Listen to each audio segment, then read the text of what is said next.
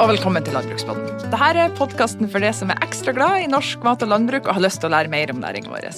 Jeg heter Elisabeth Sæter, og når jeg ikke lager podkast, så jobber jeg i Norges Bondelag. Eh, I landbruket så får vi jo med jevne mellomrom høre at vi liksom sitter på den grønne grenen. Og artig ordspill til side, så er det jo ingen tvil om at mange av de biologiske ressursene på gården de er en viktig del av framtidas grønne energiløsninger. Bioenergi det er tema for dagens podkast. Og med meg i studio for å hjelpe meg å snakke om temaet, så har jeg daglig leder i Norsk bioenergiforening, Johannes Hoem. Hjertelig velkommen hit. Tusen takk for det, og takk for at jeg fikk komme. Jeg skal bare mangle. Jeg må nesten spørre, hvem er Norsk bioenergiforening? Det er en uh, bransjeorganisasjon med ca. 130 medlemmer uh, som driver med uh, bioenergi, og det er da i stor grad folk som driver med flisfyringsanlegg rundt omkring i landet, og en del aktører som driver med biogass, og en del aktører som driver med biodrivstoff.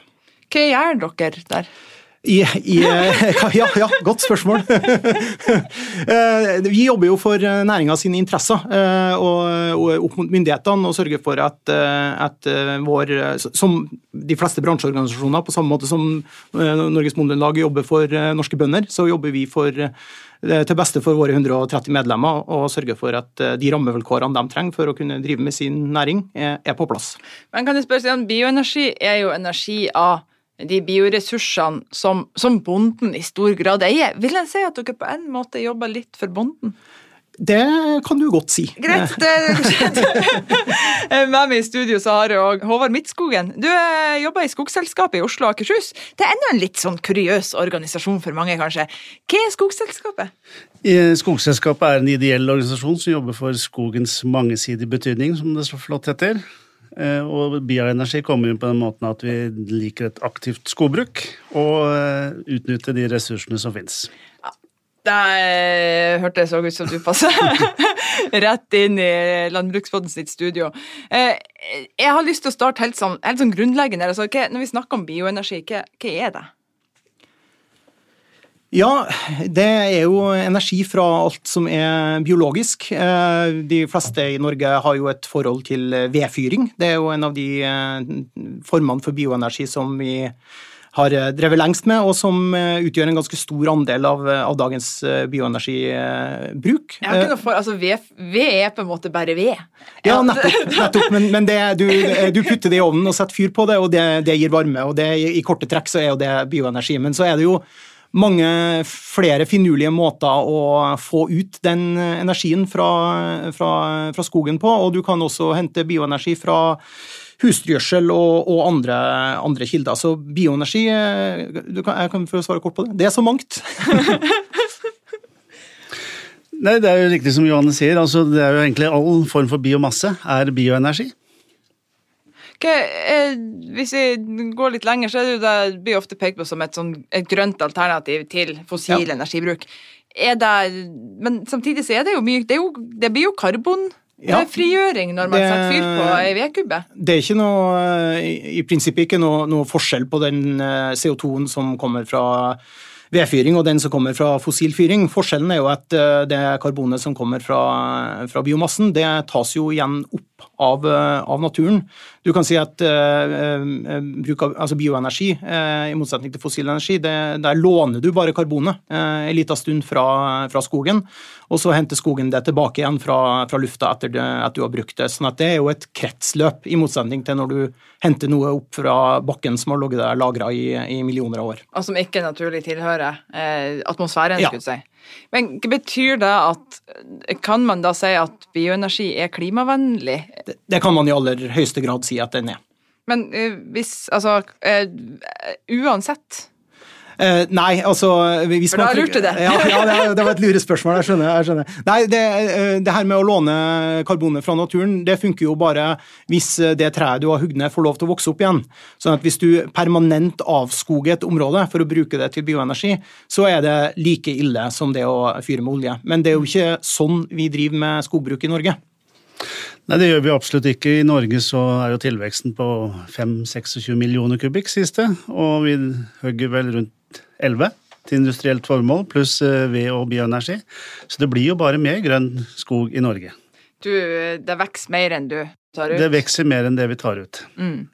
Skal komme litt tilbake til eh, si, de ulike formene for bioenergi. Men eh, som jeg var inne på, altså, det vedfyring. Det, høres, altså, det, jeg, det, det, er en, det er en vedovn. Men dere har jo begge to jobba med å få opp nye bioenergiprosjekter. Hva slags prosjekter er det vi ofte Veum? En vedovn passer jo veldig godt i en enebolig, og har alltid passa godt i en enebolig i mange år i Norge.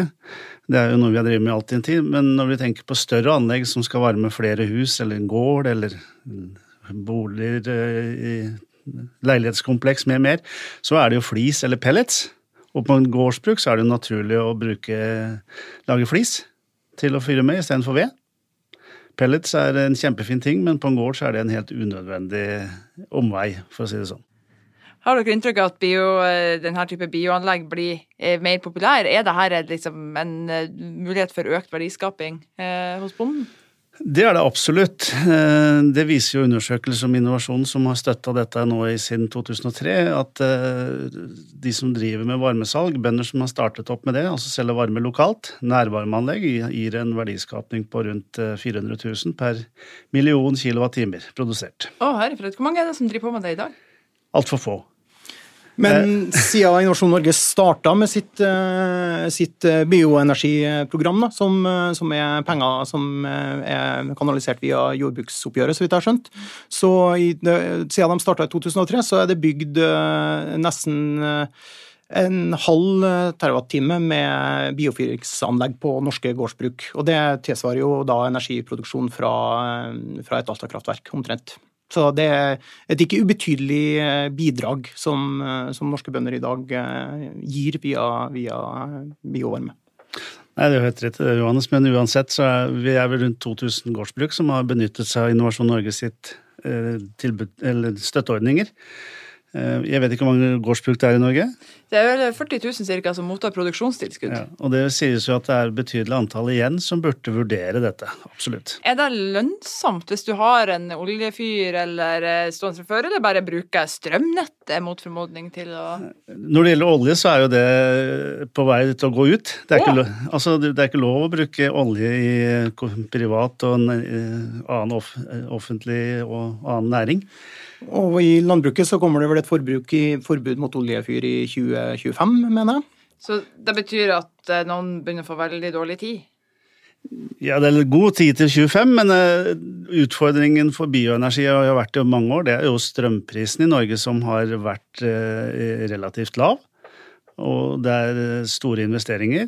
Norge er et u-land på vannbåren varme, som ofte gjør at det er ikke bare du skal installere en kjele, men du skal også legge om hele vannsystemet, altså vannbåren varme i et helt gårdsbruk. Da begynner vi å prate om store investeringer. Mm. Jeg har hørt at uh, framover nå så må uh, hele Norge, ikke bare bonden, belage seg på å betale strøm, ikke etter hvor mye han bruker i forbruk hvert år, men i effekt ja. hvert år. Kan det bane litt veien for at det blir mer lønnsomt å bruke bioressursene? Nå vet vi ennå ikke helt nøyaktig hvordan denne effektprisinga kommer til å, bli, og hvordan den kommer til å slå ut. Men eh, det er ingen tvil om at det, det, her med effekt kommer til å bli viktigere og viktigere, og at det kommer til å prises i større grad. sånn at eh, det er nok et element som kommer til å gjøre bioenergi eh, mer attraktivt, både for monden, men også for andre kunder, da, som øker mulighetene for å kunne selge biovarme til, til nærområdet helt konkret, hvis at eh, det sett noen ute der, noen bønder, og har en, en stor eller liten skogteig som eh, de primært bruker til ved, men så lurer de på om de enten har lyst til å hive ut oljefyren eh, på gårdsbruket, eller at de ser potensial i å kanskje hive seg på et større prosjekt med vannbånd varme i bygda. Hvordan, hvordan griper man det an? På et gårdsbruk så er det jo viktig å finne ut eh, hva slags effekt og behov han har, og ikke minst også hva slags energibehov han har, altså kilowattimer. Eh, det er jo grunnlaget for å vurdere om eh, det er grunnlag for å etablere et gårdsvarmeanlegg. Da. Mm. Og det er klart at for en, en som driver med husdyr, så er det lettere, for der er det et jevnt større forbruk over hele året. Mens eh, kornbonden, som kanskje skal ha veldig mye effekt i en kort periode, og ellers kanskje bare ha en bolighus og et uh, gårdsverksted, så kan det være utfordrende å få lønnsomhet i det. Så der, er, der kommer støtteordningen inn og kan hjelpe deg, men uh, når det gjelder varmesalg, så er jo det en eller flere bønder som kanskje burde vurdere, og mye tettsteder rundt omkring i Norge som ikke har sånne store fjernvarmeanlegg, som kan vurdere om det, det kan være noen skoler, industribygg eller andre ting som kunne vært interessant å selge varme til. Mm. Og Vi kommer sikkert tilbake til litt med støtteordninger, og der har jo Innovasjon Norge gode lavterskeltilbud, som jeg kaller det. Ja, så det er, jo, det er jo det, at eh, skal man bruke det sjøl, så må man finne ut hva er, hva er mitt behov. Og skal man selge det, så må man jo da åpenbart ha noen kunder til å, til å, å selge varme til. Og det er flere av våre medlemmer som, som, er, som ikke bare er enkeltbønder, men som er anlegg som er eid og drevet av flere bønder i lag, der de f.eks. da leverer eh, varme til en idrettshall eller en skole eller et eh, kommunehus i, i, i sitt nærområde. Men hvis man uh, går litt ned på hvilke støtteordninger som finnes, da? Ja, For det norske landbruk så er jo Innovasjon Norge for oss andre, uh, som meg, som en eneboligeier, så er det Enova. Men Innovasjon Norge støtter jo landbruk og har gode støtteordninger både til å etablere gårdsanlegg, og som gjelder egentlig både huset der anlegget eventuelt skal stå i, rørgater, det vi kaller varmeavvinningsenheter, altså radiatorer eller gulvvarme eller sånn, i næring.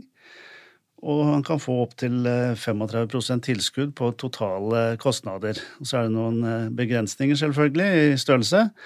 Men eh, absolutt anbefaler folk til å vurdere og kikke nærmere på de ordningene som fins. Vi vil jo anbefale å ta kontakt med en rådgiver, da, enten sånn som Håvard eller noen andre der ute, som, som kan hjelpe deg å, regne på disse tingene og, og, og, lage en design for det anlegget som du skal, skal søke om, om, om støtte til. Eh, og hvis du ikke kan så mye om bioenergi og har lyst til å lære mer om bioenergi, så har jo vi også nå en kursserie som skal gå over eh, hele landet, sør fra Trøndelag og sørover. De, eh, det skal være fem kurs. Unnskyld, hvorfor er det fra Trøndelag og sørover? Nå, det her. Nei da, jeg bare tuller. Ja, ja, ja det, det, kan du godt si. Det er fordi at det bygges uh, veldig få anlegg i, i Nord-Norge. I det området det bygges mest anlegg, er i, fra Trøndelag og sørover. Uh, og de her kursene da, retter seg mot både dem som ønsker å bygge anlegg, men også mot eh, rørleggere og installatører. Fordi at eh, det er såpass stor etterspørsel i Sør-Norge nå at vi klarer ikke å skaffe nok installatører. Så vi prøver både å rekruttere det, men samtidig de kursene er også av interesse for folk, bønder som ønsker å bygge egne anlegg. Sånn at flere av de plassene der vi skal ha kursene, Eh, som man kan gå inn på Nobio sine nettsider og lese mer om der, eh, hvis man, og melde seg på. Eh, men flere av dem som har meldt seg på de kursene rundt omkring, er, er bønder som sjøl vurderer å, å, bygge anlegg, og de kursene er absolutt av interesse for dem også, ikke bare for rørleggere. Jeg er helt sikker på at I dag så er det ikke mange anlegg i nord for Trøndelag, men det kommer flere. det er jeg helt sikker på. Det er noen utfordringer med Jeg har sjøl vært og holdt flere kurs i Nordland og Finnmark, Troms, men størrelsen på gårdene er mindre litt utfordrende med, med kilowattimer nok. Uh, ukjent. Mm. Det fins ingen forhandlere der. Det er langt til forhandlere. Uh, ukjent blant rørleggere. Ja. Langt til flishugger, hører vi ofte. Lit, jeg har noen ganger blitt litt forundra over at vi har jo drevet med ved i hundrevis av år, men i det øyeblikket vi skal lage litt mindre biter av det, så er det liksom hva er, dette, hva er dette for noe, liksom? Så vi er et u-land når det gjelder bioenergi. Hvorfor er det sånn? Uh, vi har lav strømpris og, har eh, hatt eh, gode vilkår på strøm. Ja, Og billig fyringsolje en gang i tida. Også. Fyringsolje. Ja. Vi er et u-land når det gjelder vannbåren varme. I forhold til våre svenske, svenske naboer i Sverige. Mm. Så det er nok mange årsaker, tror jeg. Ja. Kan i hvert fall si at det er sånn For vi vefsninger så er vi veldig impulsive, bare vi får tenkt oss litt om. Ja. så det kan jo hende at nordlendingene kommer ja, Sakte, men sikkert dette? Det tror jeg. Det er jeg helt sikker på. Det er jo definitivt et uh, stort potensial der. og Akkurat nå så er det litt sånn høna uh, altså ser, For det er jo en, en, et par større flisfyringsanlegg i, i, i Nord-Norge Forsvarsbygg har eh, bl.a. vært veldig flink til å satse på det. og Vi, vi ser at det er litt sånn høne-egge-problem. At, eh, at det, er vanskelig for de anleggene å få tak i flis, og da er det vanskelig å bygge nye anlegg når det ikke er tilgang på flis. Og det er vanskelig å starte med flishugging fordi at det er få anlegg. Så vi tror det der kom, kommer til å løse seg da, eh, framover, hvis vi får litt, litt mer schwung på det i nordover. Så det blir nok noen kurs i Nord-Norge òg en gang. Det jeg håper endelig. og håper òg at for det som hører på, at du blir inspirert til å gå inn på Nordby og sine nettsider og finne ut mer om de kursene. Absolutt, det håper jeg jo. At vi får til flere kurs og flere anlegg i hele Norge. Det er ingen tvil om at vi er litt uh, mye anlegg i Trøndelag på gårdsnivå. Mye anlegg på Østlandet. Vi sliter litt i nord og på Vestlandet. Vi får bare egentlig oppfordre nordlendingene til å ta, ta kontakt med deg, Johannes. Og... Ja. Nei! ah, greit. Deg òg. Jeg tenkte vi skulle gå videre til en annen biokilde på ja. gårdsnivå, som òg er eh, Og det er mye snakk om, og det er jo nemlig husdyrgjødsle. Ja. Det er jo eh, Vi lever jo i spennende tider. Det er jo eh, veldig økt eh, fokus på klimatiltak i, i jordbruket. Og der er jo eh, biogass veldig ofte trukket fram som, eh, som ei, eh, attraktiv løsning. Da. Hva er biogass? Biogass er rett og slett nedbryting av organisk materiale uten tilførsel av oksygen. Når, du, når ting råtner og det er tilgang på oksygen, så dannes det CO2, samme som det gjør når du brenner det. Eh, men eh, når du forråtner det uten tilgang på oksygen, så dannes det da isteden metan. Som er Hvis den gassen slipper ut i atmosfæren, så er det jo en sterk eh, klimagass. Men hvis du fanger den, så er det jo en energigass som du kan bruke til å lage varme, eller du kan lage strøm av den, eller du kan oppgradere den og bruke den som et drivstoff. Men hvordan eh, i all verdens navn rike får du til altså Tar du bare og lagrer husdyrgjødsel lenge nok til at den eh... Ja, eh, med, med, fare for å få det til å høres litt for enkelt ut, så er det jo egentlig det du gjør. Du, du lagrer husdyrgjødsla i en, i en luftatt eh, tank. Og, altså, det dannes jo metan fra husdyrgjødsel i et vanlig gjødsellager også. Det er jo av, en av klimautfordringene med, med, som, En av klimautfordringene til jordbruket er jo nettopp denne metandannelsen.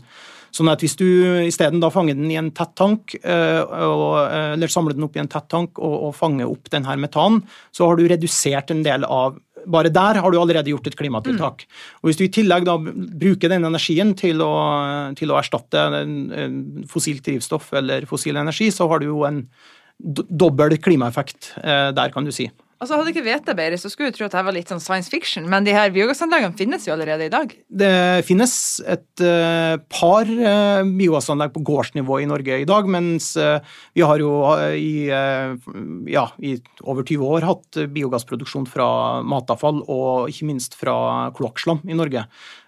Men på gårdsnivå så vi, er vi nok en gang et, et u-land som Håvard, så fint sa det her. Uh, uh, andre land, som f.eks. Eh, Tyskland, har jo eh, flere tusen biogassanlegg på, på, gårdsnivå. Men det er jo, går av en litt annen størrelse enn det, det vi har. Ja. en ting er åpenbart selvfølgelig si, prisen det koster for å kjøpe et biogassanlegg, ja. men er det at norske bønder ikke er så interessert, eller er det litt som Håvard var inne på, hvorfor resten av bioenergien går litt trått, at man har billig tilgang på strøm og Ja, det, det, er jo litt den samme dynamikken som gjelder her òg, at eh, mm. strømmen er, er billig, og, eh, og, det gjør jo også at varmen er billig i Norge. Eh, altså, grunnen til at man har lyktes så bra med det i Tyskland, er, er, handler jo både om, om størrelsen på, på, anleggene, men det handler også om at der er både strøm og varme eh, kostbart, og, og, man har også et, noen plasser har man også et gassnett man bare kan kjøre gassen direkte inn i. sånn at du, eh, og man har hatt gode støtteordninger på å mm. produsere strøm og varme fra, fra, biogass. Det har vært eh, hoveddriveren i, i, det, i det, markedet. Da. Så du kan si at Utfordringa i Norge er både det å få tak i anlegg og teknologi som Eh, er liten nok til å passe på norske gårdsbruk. Det er i ferd med å, å løse seg nå, men det, det er også å få en, en fornuftig markedsmodell på, på, bruken av den gassen. Ja, for du, du, sitter jo fort bare igjen med en duppeditt som, som uh, Ja, jeg vet ikke helt hva du skal si. Kanskje ja, ikke gjør så mye gjør bra ting for klimaet, men kanskje ikke så mye bra for gårdsdrifta. Nettopp. Du må, du må, jo få økonomi i det. Altså, det er jo i, i seg sjøl å gjøre et klimatiltak av den typen på gården gir ikke noe, noe, noe penger i, i, i, kassa for, for bonden, så du må finne en, en forretningsmodell for bruken av den gassen, eh, der du enten eh, bruker den til varmeformål på, eh, på gårdsbruket ditt, eller produserer strøm. da. Og, men det som har endra seg nå, da, er jo at nå har vi jo fått på plass en støtteordning for, for, av, for produksjon av biogass, enten på gårdsnivå eller i, for å kjøre husdyrgjødsel til et større anlegg og, og levere husdyrgjødsla der. Og Den, den ordninga har jo den kom vel i åren for et par år siden, mener jeg husker, og har økt gradvis nå de, de, siste årene. og Det har gjort at interessen for å bygge biogassanlegg på gårdsnivå i Norge nå er, er økende, det vi ser. Hva gjør en eh, bonde som hører på, kanskje òg har et varmebehov og tja, ei arv til overs, eller noe, som har lyst til å eh, teste ut et biogassanlegg på gården sin, hvordan går man fram? Eh, der er det jo, eh, kan man også søke om støtte til både forprosjektering og til bygging av anlegg eh, via den samme ordninga som gir støtte til, til flisfyringsanlegg. Verdiskapingsprogrammet til Innovasjon Norge? Nettopp. Så der vil jeg råde, råde, råde, dem til å ta kontakt med, med, Innovasjon Norge for å få litt rettledning på, på, hvordan man kan gå fram. Her vil det nok også være lurt å involvere en ekstern rådgiver som har litt erfaring med, med med denne type prosjektering, eh, rett og slett. Fordi det her er jo eh, noe mer komplisert teknologi enn et, eh, enn et flisfyringsanlegg. Men det er jo som du er inne på, så er det jo òg større avfallsselskap, gjerne kommunale, som har biogassanlegg for å sortere ut matavfallet. Og jeg vet i hvert fall et ganske stort anlegg i Vestfold tar jo òg imot husdyrgjødsel fra bønder. Det, det, er korrekt, og, det, ja, det, og jeg tror det er faktisk også, i hvert fall et annet anlegg til i Norge som har tatt imot uh, husdyrgjødsel via den ordninga. Men sånn som den er i dag, så, så, er det ikke sånn kjempelønnsomt. Det dekker transportkostnaden omtrent. Og så og så er det jo et, for så vidt et annet tiltak som bønder kan gjøre om de ikke har eget biogassanlegg. Det er å ta imot eh, restproduktet fra, hvis de ligger i nærheten av et biogassanlegg. og Det å ta imot restproduktet eh, fra biogass, eh, annen biogassproduksjon er også et, et, bra tiltak. Det reduserer jo behovet for bruk av, av kunstgjødsel. og det behjelpelig for annen biogassproduksjon. Det er jo mange biogassanlegg som har utfordringer med å få avsetning på, på restproduktene. Fra, når du har henta ut metanet i den tanken, mm. så sitter du igjen med et gjødselprodukt som du er nødt til å, til å få ut til, til, landbruket. Men er det gitt at du, hvis du har altså, ja, Det er for å erstatte kunstig gjødsel, men er det gitt at du én har behov for den resten, og to at altså, Hva er det som egentlig er i den? Ja, det varierer litt fra, fra biogassanlegg til eh, biogassanlegg. Eh, men eh, noen av dem har en, en, en rest der både fosfor og nitrogen er samla i lag, mens noen anlegg kjører separering av de to fraksjonene, så man kan velge å ta imot alt ettersom hva man har behov for. Driver man med korn f.eks., så har man jo et større behov for, for, fosfor. Driver man med husdyr, så har man kanskje ikke lyst på fosfor i det hele tatt. Og, men begge, begge næringer næringa, både, både, husdyr og, og, og korn, har, har, jo behov for nitrogen.